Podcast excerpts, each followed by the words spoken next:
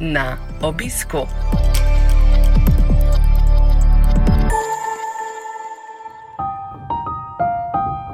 Z veseljem vam predstavljamo novo serijo podkastov na obisku. V dolgem vročem poletju vas bomo vsak petek opoldne povabili k poslušanju pogovora z nekaterimi zanimivimi strokovnjaki in člani Slovenskega združenja bolnikov z limfomom in leukemijo. Vabljeni k poslušanju.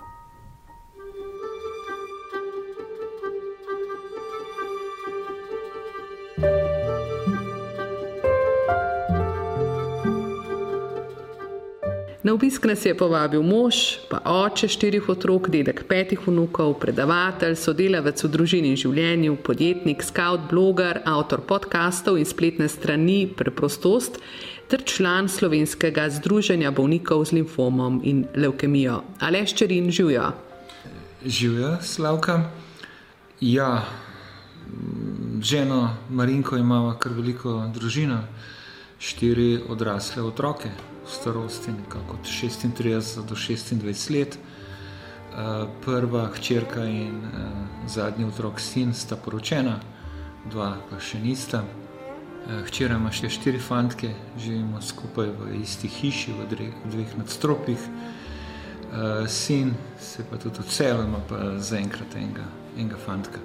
Tako da pri naši hiši je kar pestro. Ja. Imaš eh, zdaj že dobro leto tudi podkaste in veliko je tem tudi, kako mlade pripraviti k poroki, da bi ptički zapustili gnezdo. Je tukaj povezano potem s to vašo družinsko situacijo, da sta dva vmes še prosta, da rečem? Pravzaprav hčerka ni prosta. Hčerka je sestra, nuna. Pri družini Kristusa odrešenika, tako da ona ni prosta. Sin ima pa tudi dekle, s katero mm, resno razmišljata o poroki, nista se pa še odločila za to. Uh, Tako da, ja, um, vsi živijo že od doma, nekako razen hčerka, na svoje, uh, v zgornjem štuku. Da, uh, Ali je ja. to dovolj daleč, pravijo, da ne smeš staršem ucopati? Ja, to je zelo dobro vprašanje. V bistvu uh, je šla hčera na svoje in uh, po moje, tako kot mi dva žena zagovarjava, je prav, da gre otrok po poroki takoj na svoje. Da se zdaj mož in žena nekako utrdita, da nekako mi pravimo v družini življenju zgradita edinost, da ni več moj, tvoj, da ni več jaz, ti, ampak da sprejmeta nekako kulturo mi dva in to, da naredita to oddaljeno od staršev. Tako da ni motena, zlahka se in tasti in tašče začnemo vtikati, kar noč nam ni prav. Tako da mi dva zagovarjava to, da ne gresta za nekaj let na svoje, da se utrdita, da postaneta nekako si edina na pomembnih življenjskih področjih, od organizacije gospodinstva do vzgoja otrok, do odnosov, ki jih uh, imata s svojimi starši. Da tukaj res uh, se naredi en tak, ne, ne zid je premočna beseda, ampak vendarle, da se mi, ki bi se radi vtikali, zaletimo v nekaj, kar je dokaj neprobojno. No. In uh, izkušnja tega, da je hčerka prišla domov, je tudi dobra, kljub temu, uh, da lahko mi dva prideva v resnici v copatih na obisk, ampak mi smo se zelo dobro zmenili. Mi smo rekli, da zaradi enih zdravstvenih razmer je, je hčerka prišla domov, da sva nekako pripomogla k temu, da je ona lahko obiskovala zdravnike in vse tako. Uh, so prišli domov, ampak smo rekli, da je se najprej zmed.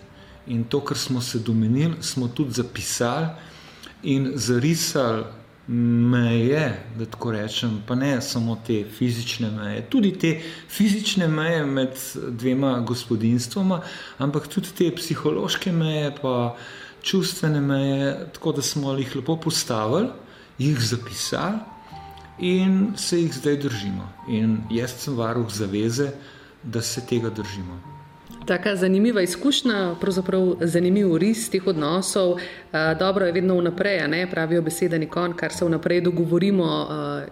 nekako lažje vzdrži ne, vse pritiske življenja. In kasneje sem imela pripravljeno naslednje vprašanje za te, ampak ker si že samo menu si dejal, da je ena od hčera sestra, ne, Nuna, vera je zelo pomembna v vašem življenju.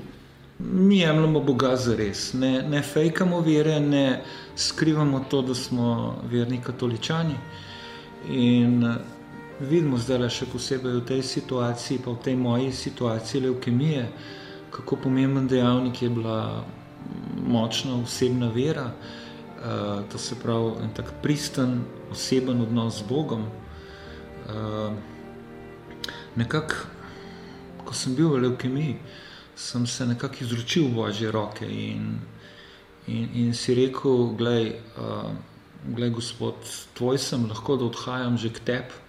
Na to sem pripravljen, takoj preden se je začela prva kemoterapija, sem poklical bolniškega duhovnika, prijel vse zakramente v šali, nekako, čeprav takrat ni bil čas za šalo, sem poslal slikco ženi, nekakšne podobice, kamor je duhovnik označil, da sem prejel vse zakramente, sem poslal ženi in rekel, žena, glej, uh, jaz sem pripravljen, mogoče Uh, ena pesem mi je takrat tudi rojila po glavi, Leonarda Coena, ko se je poslavljal z tega sveta in rekel: I'm ready, my lord.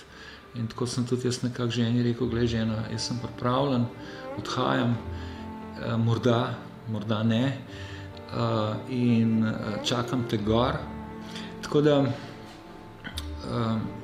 ena milost mi je bila takrat dana, ko sem slišal za svojo leukemijo ko mi je mlad zdravnik rekel, gospod Čerin, usedite se po celom, celo dopodanskem tam nekakšnem tretmaju na infekcijski kliniki, mi je mlad zdravnik rekel, gospod, vi imate akutno leukemijo. In milost, ki mi je bila dana, je bila ta, da sem lahko takrat izrekel besede, gospod je moj pastir, nič mi ne manjka. In prispodoba pastirja je prispodoba dobrega pastirja. In dobri pastir dobro poskrbi za svoje ovce. Ne? Če smo da te paraleli uh, pastirovca, ne? včasih rečejo, katoličani, vi ste ena ovce. Ja, smo, sami imamo Boga za pastirja. Alež, to je bil tudi vzvod, da si se pridružil potem v nadaljevanju, se mi zdi kar hitro, ne, slovenskemu združenju bolnikov z limfomom in leukemijo, pa da nimo potem kasneje, lani po zimi, tudi uh, temu rehabilitacijskemu programu za bolnike s krvnimi raki. Kaj ti to pomeni, zakaj meniš, uh, da je to koristno za te ali pač za koga drugega? To je koristno za vse, to bi bilo pravzaprav koristno za vse. Ne. Zdaj lahko se vključimo. Uh, bolniki z limfomom, leukemijo. Um, jaz sem že tam v bolniški sobi slišal za, za to društvo, sem dobil materiale, sem dobil neko darilo za božičjo in sem, sem začel potem to spremljati. Ne, takrat, ko sem bil dovolj dober, da sem lahko brskal tudi po internetu. In sem vedel, da je to dobra reč, da bazira na teh treh stebrih, ki so prehrana, psihološka podpora, pa telesna vadba.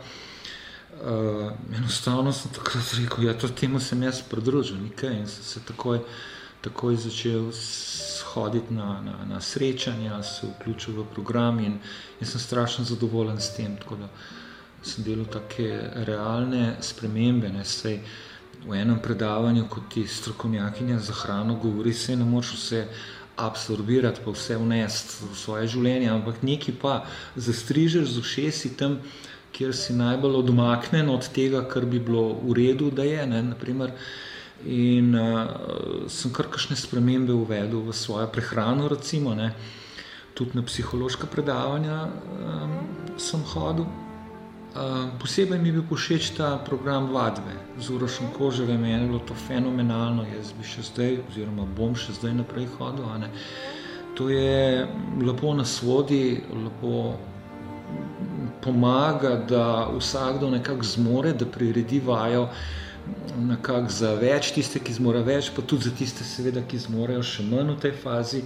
Tako da to je bilo za me odlično, no, tako, ne, ne sem tako normalno dobro, ampak odlično. Tudi uh, profesor Zupanov, ki sem tako poslušal njeno predavanje, ko govori o pomenu te telesne vadbe, o pomenu tega, da moraš petkrat, šestkrat na teden uh, zašvicati Jaz sem to vzel zelo resno, tako prav, le žena, profesor Zupanov, tole pravi. Jaz bom šel zdaj vsak dan v hosto, ne? tudi v karanteni sem šel, ko smo bili omejeni na občine. Jaz sem raziskal Ljubljanski vzhod, ko ga nisem poznal in sem, zdaj pa poznam vse potke tam. Ne? Tako da sem se v avto usedel na golovcu in še tam okoli Jančke, še vedno sega tja Ljubljanska občina, hvala Bogu. In vsak dan hodil od začetka pol ure, eno uro, dve uri, do tega, da sem hodil pet, šest ur.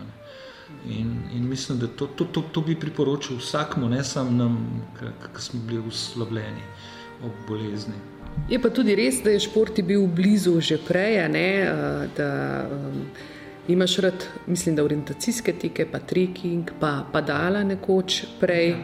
A tako da pravzaprav je to pisano tebi na kožo, torej ta vadba, seveda, verjetno prilagojena v določenih fazah. Ja, jaz že od mladosti, od najstniških let sem športnik, zdaj nikoli nisem bil v vrhunskem športu. Uh, nekaj let sem treniral košarko, ampak sem bil prešloh, presuh takrat. In sem to potem opustil, ampak potem se pa začel ukvarjati z maratonom, s smočarskimi teki rekreativno in bil spodoben, no, rekreativen tekač. Eh, potem, ko se človek poroči, pridejo štiri otroci, bilo tega malo manj, potem sem zablodil malo v gorništvo in to tako, tako po um, nemarkiranih poteh, tako da je bilo treba takega tazga avanturističnega duha malo. Uh, no, v enem obdobju sem pa potem letel s padalom. Um, Ma temu jaz rečem eno tako ne preveč posrečeno, posrečen šport za očeta štirih otrok. No, tako bom rekel, dokaj nevaren, takrat ne občutiš te nevarnosti. In, če rečem, mi je bilo dano, da sem preživel tudi en precej velik incident, in od takrat naprej sem se zavedel, da ne želim pustiti uh, mlado vdovo s štirimi sirotami. In sem se odločil, da se tega ne grem več, in nisem potem nikoli več letel. Pol kasneje sin me je pripravil, ne je pripravil, povabil me je v orientacijski tek. Ta šport pa v resnici priporočam, um, priporočam vsem, ki se radi gibljete po neznanih področjih v gozdu. In ta šport je tak, da dela oboje. Ne? Pravimo, uh, orientacijski tek je tek za uh, intelektualne tekače, ker je to kombinacija dela intelekta in pa dela nog in telesa. Ni neka rutina, ni neka rutina teka po asfaltu, po, magari po makadamski poti, ampak je to stalno neko umikanje vejam, uh, preskakovanje uvir v gozdu. Obenem pa nikoli ne tečeš, to, ne moreš teči tako hitro, ker moraš najti najboljše izbire poti med dvema točkama, možnih je pa n poti med dvema točkama in potem izbiraš najboljšo, tako da dela glava, noge tako, no, na, na, na en tak dober način. No, tako da res priporočam, priporočam ta šport. Tisti, ki me poslušate, poiščite me in lahko vam pripravim progo na tle na Golovcu, Ljubljana ali pa kje. Umenila sva že tvojo spletno stran Preprostost, snimaš tudi lastne podcaste, si avtor podkastov o, o življenju z bolj preprostimi izbirami. Zanima me, kaj je to, kaj to pomeni. Glede, morda najprej odkje to izhaja. Ne? Jaz sem dolgo leta delal v Leku kot uh, ena sorte raziskovalca, analitik v analitskem laboratoriju. Zelo cenim farmacevtsko korporacijo Lek, veliko mi je dala, ampak vendar sem potem enkrat šel na svoje, sem imel željo iti na svoje in sem se začel ukvarjati z izobraževanjem, svetovanjem, tudi v laboratorijih. Ne. No in potem je nekako prišlo tako, da sem lahko delal na Polskem, v Ukrajini, v velikih farmacevtskih podjetjih. In tam sem opazil, jaz sem stalno si predstavljal, kaj bom jaz ljudem dodatnega prinesel v njihovo življenje v laboratoriju ali pa v, ja, v, v razvoju, raziskavah. Ne. In sem opazil s časoma, pravzaprav zelo malo, da, da je moja naloga, da jim jaz odvečno odvečno umikam iz njihovih poslovnih življenj.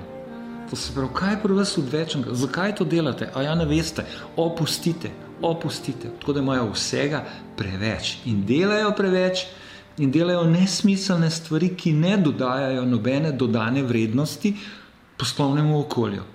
In v tem sem se tudi jaz vprašal, kaj je po tvojem osebnem življenju odveč. Kaj je tisto odvečno? Ne? In kdo v meni povedal, kaj je odvečno? Ja, jaz sam. In tudi tako sem se potem odločil, da so to moje bolj preproste izbire, ki jih ne bom apliciral na ženi ali pa na otrocih. Tako da na, na sebi pa. In sem začel potem s tem blogom Preprostost. Uh, enostavno sem začel pisati, kaj odvečnega je v mojem življenju, o tem razmišljati, o tem pisati, s tem se ukvarjati uh, in uh, spravljati v življenjsko prakso. Ker danes, veste, imamo toliko ene spodbude za uh, nakupovanje stvari, ki mnogo krat ne prispevajo k ničemer v življenju, razen gneči k temu, da imamo zabasano stanovanje s stvarmi in polnemo mi v tem koncu sveta stanovanja s stvarmi in ne z ljudmi, in se ukvarjamo s stvarmi in ne z odnosi.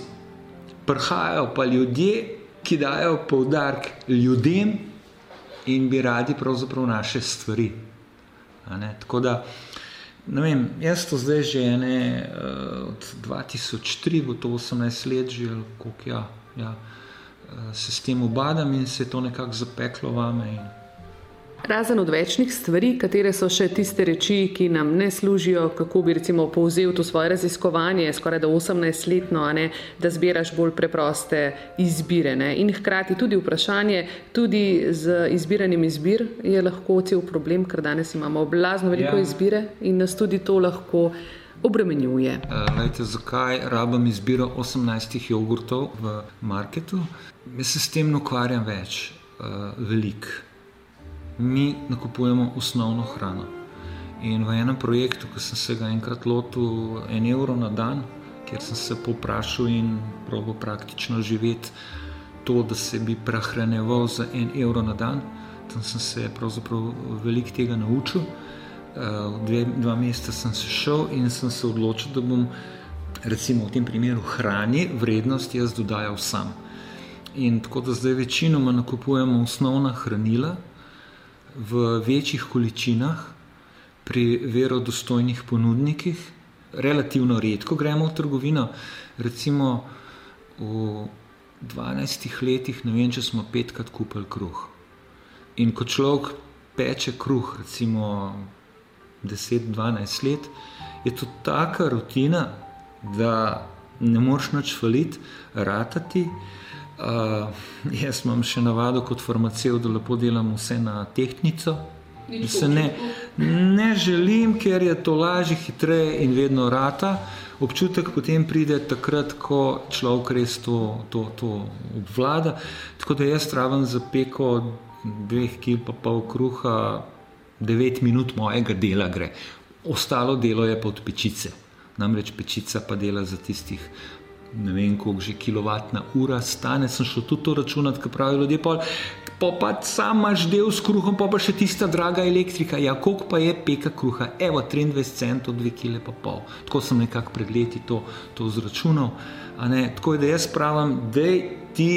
Uh, da je kakšno stvar v suhe številke, da boš imel dejstva pred sabo, potem se pa na podlagi dejstev odloči. Tako da sem se tudi tega naučil v projektu, recimo en evro na dan. Tako da jaz lepo pečem kruh in si pravim, o, a ne morem imeti deset minut na teden cajt, da bom tisti kruh spekel in ga spečem iz vrhunske moke, iz vrhunskega mlina za zelo majhen denar. Tako da, ko sem šel računati na leto štirčlansko družino, recimo je prihranek a ti pečeš kruh sam ali pa kupuješ en tak mal boljši kruh, recimo 800 evrov. Potem se pa ti vprašaj, a ti 800 evrov kaj pomeni ali ti ne pomeni nič. Najbrž ti ne pomeni nič, če imaš 10.000 evrov plače, če imaš pa 900 evrov plače, je pa to skoraj ena plača. Tako da, in pravim, ne odločimo se samo na podlagi čustv, ampak dejstev. Tudi z vidika zdravega prehranevanja vedno pravijo, če manj procesirane hrane, čim več kar lahko sami in z dobrih virov ne, pripravimo. Čestitke so popularne zdaj pri vas tudi druži ali ste na kvasu. Jaz sem kompliciran s temi družmi, to je en mambo džambo za mene. Uh, kvas je naravna reč, to so kvasovke, saharomice, servisije. Uh, samo da so te narejene industrijsko, ampak kaj to pomeni, da so jim hrano za nafutrati in so se lepo razmnožile, so jih posušili, vakumirali in jaz lepo kupam te lepo kvasovke in ne, čist nič ne, ne, ne kompliciram. Lejte, tudi jogurt, recimo. Jaz vsak, dan, vsak teden naredim 4 litre jogurta in Glede, sem šel računati, koliko embalaže se ne vrže stran. Mi namreč nič embalaže ne mečemo stran, kar se jogurta tiče, ker ga nikoli ne kupimo. Ga pač naredim in to kupim potem tudi kulturo, tam, ki jo kupujejo uh, mlekarji in je vrhunski jogurt. Iz vrhunskega mleka, ki mi ga pripelje kmet vsak teden 10 litrov, uh, ne 6 litrov, ima zdaj že eno, to je prej, ko so bili še otroci. Um, iz 4 litrov naredim jogurt, 2 litra imamo pa še tako in, in čau. In niti ne mečemo potem stran embalaže za mleko. Ne. Teh uh, vaših blogih, pravzaprav v resnici sem poslušala podkaste, uh, zelo zanimive teme, uh, ker ste prej že rekli, da ste zelo uh, duhovno naravnani, je nekaj tega tudi notri, sicer so pa teme, recimo odnosi med žensko in moškim. Pravite tudi vse te odnose na nek način preveva ali jih je prepletla nekakšna potrošniška naravnanost, ne tako moško-ženske, kot moške in njihova lastna percepcija njih samih, da je tudi vse to podrejeno potrošništvu. Um, preveva nas kultura, kultura odmetavanja. Se pravi, gledajte, jaz se spomnim, rahlo se spomnim, da sta šla moj oče pa star oče v trst po pralni stroj. In ti spralni stroj je delal 18 let pralni stroj na začetku te karijere, recimo, ko še ni bil razvit, je kar deloval, pa kar deloval, pa kar deloval. Zdaj pa kupiš pralni stroj in deluje par let, in potem so še dvignili ceno rezervnim delom, uh, tako da se kar nas plača več popravljati. In mi smo se navadili te kulture odmetavanja, ne? in verjamem, da smo jo prenesli tudi na kulturo odmetavanja odnosov danes se odnosa ne splača popravljati, bom kar zamenjal. Tako meni anekdotično je, da dva sta a, preživela skupaj, mož in žena, 65 let, lepo poročena, in se vprašali, kako sta, gospod so vprašali, kako sta pa tok časa lahko skupaj zdržala. Zdržala, ja. Ne ostala, pa zdržala. Zdržala, pa rekla gospa, a veste, mi dva sva še s časom, s časov, ko če se je kaj pokvarilo, smo šli popravljati in ne metati stran. In mi pa to delamo, mečemo stran odnose, mečemo stran tudi človeška življenja, kar v tej koroni se kar v zraku čuti, da sej se nas plača ljudi, ki bodo itak čez nekaj časa šli popravljati in jih dati na respiratore in tako naprej. Če tudi sem opazil, da ta kultura še ni tako prodrla v nas, da so zdravniki se potrudili za vsakega pacijenta, kot so se le, so se le mogli. Ampak počasi, počasi vendarle to prihaja tudi k nam. Upam, da ne še k malu. Tukaj bi pa skoraj da malo uporekala, ker se mi zdi, da smo kot družba eh, tako vsaj v prvem valu stopili skupaj in imeli vsi v zavesti, da je treba posebej starejše varovati, eh, seveda tudi kronične bolnike in res, da so se ostale generacije maksimalno potrudile, mnogi so izgubili delo zaradi tega, otroci niso bili v vrtcih in šolah in da smo dali vse od sebe, je pa res, da dolgo traja vse skupaj. Absolutno, ampak jaz sem zaznal, sem predvsem želim biti na socialnih omrežjih, da čutim utrip družbe, v nekaterih delih družbe se pa, začutil, se pa že začutila ta tendenca. Ne. Ta korona se mi zdi, nas je kar na veliko razgalila, vsakega posebej pomalem, pa družbo kot tako tudi. Uh, v mislih imam to nezaupanje, ki se uh, pravzaprav poraja zdaj v znanost. Tukaj smo zdaj vsi kar nekako enaki, ne? pa, pa nismo. Ne? Nekateri so to študirali, nekateri smo pa kaj v tem prebrali. Verjetno je malo razlike, domnevam. Ne, da domnevate, veste, in jaz tvem in mnogi eh, seveda zaupamo znanosti.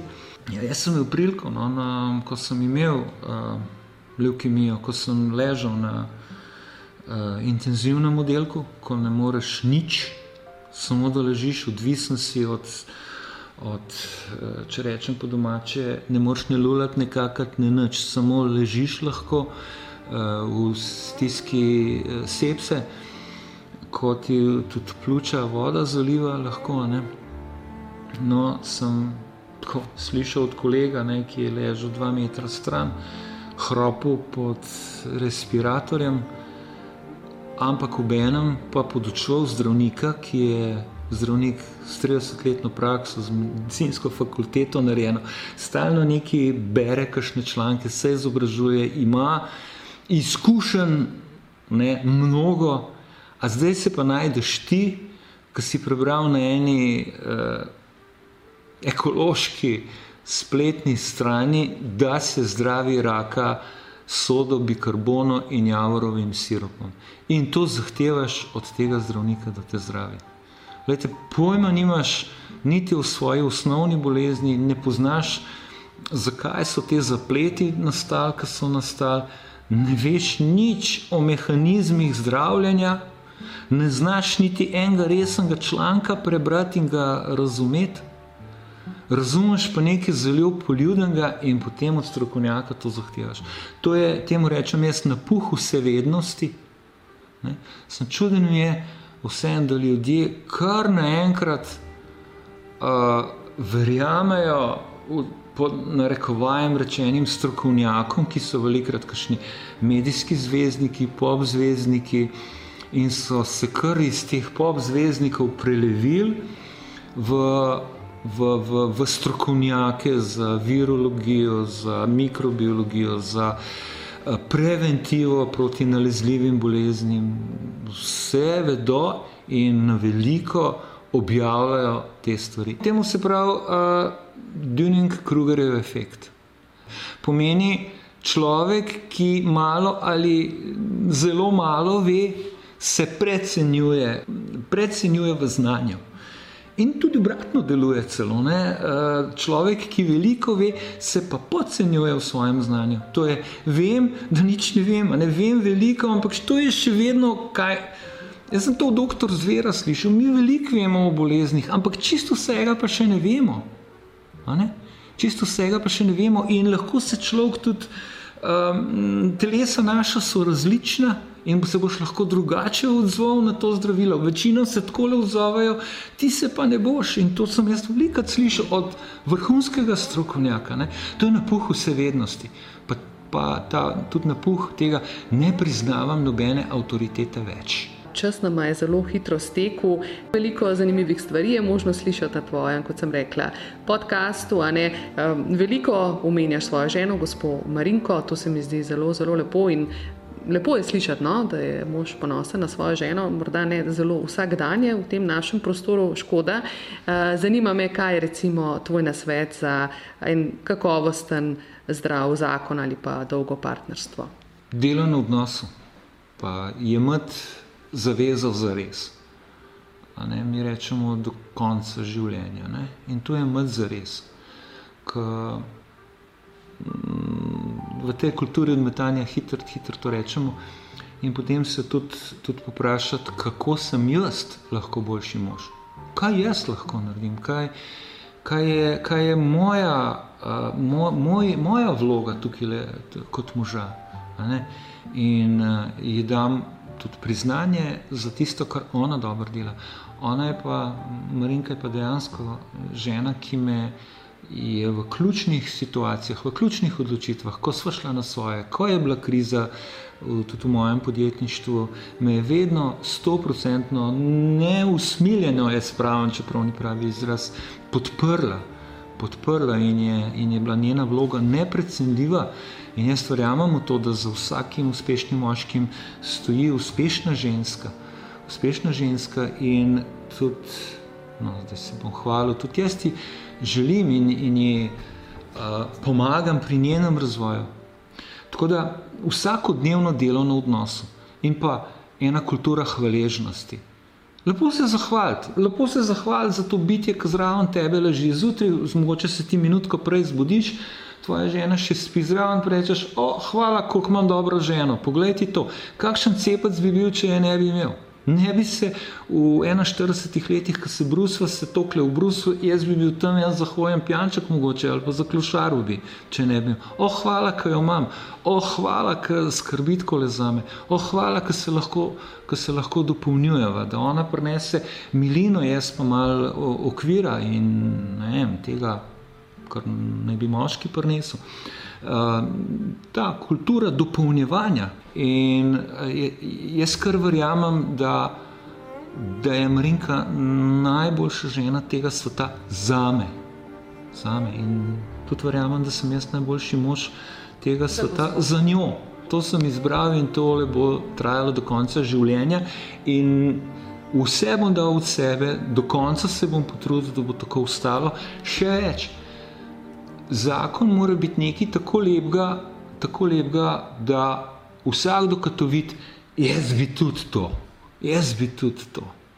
No, tako mi, da so to prišla do tega bolj v zadnjih letih, sem imela tudi kar kakšno dramo, kdaj nikoli niso bile na robu ločitve ali pa kaj, ampak uh, vendarle uh, se je pa to izkazalo tudi v bolezni, ko sem opazoval v samoti bolniške sobe, pa ko sem bil kdaj s kakšnim partnerjem v sobi, ne, ali pa ko nas je bilo več, ko se vidi, ko odnosi ne grejo, je težava tudi v bolezni.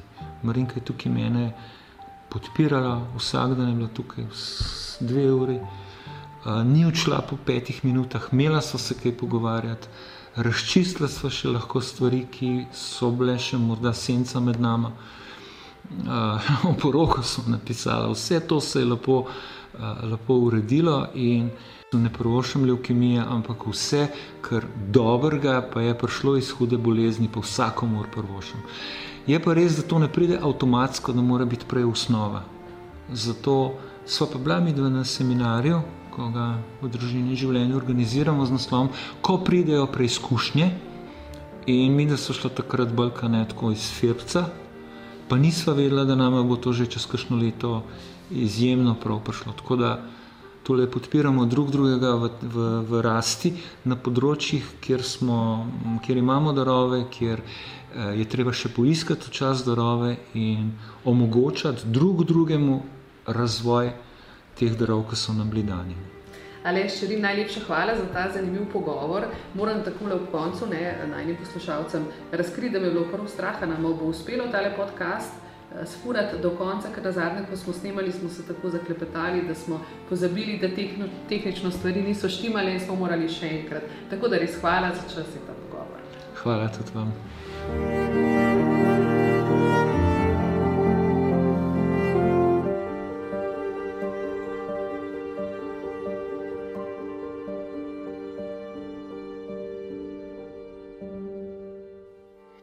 Slovensko združenje bolnikov z limfomom in leukemijo se na obisk povabi spet prihodnji petek ob 12. uri.